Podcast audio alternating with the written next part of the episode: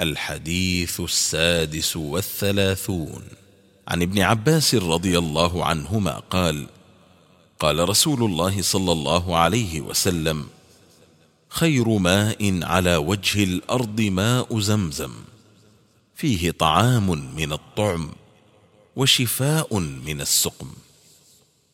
أخرجه الطبراني في الكبير وصححه الألباني.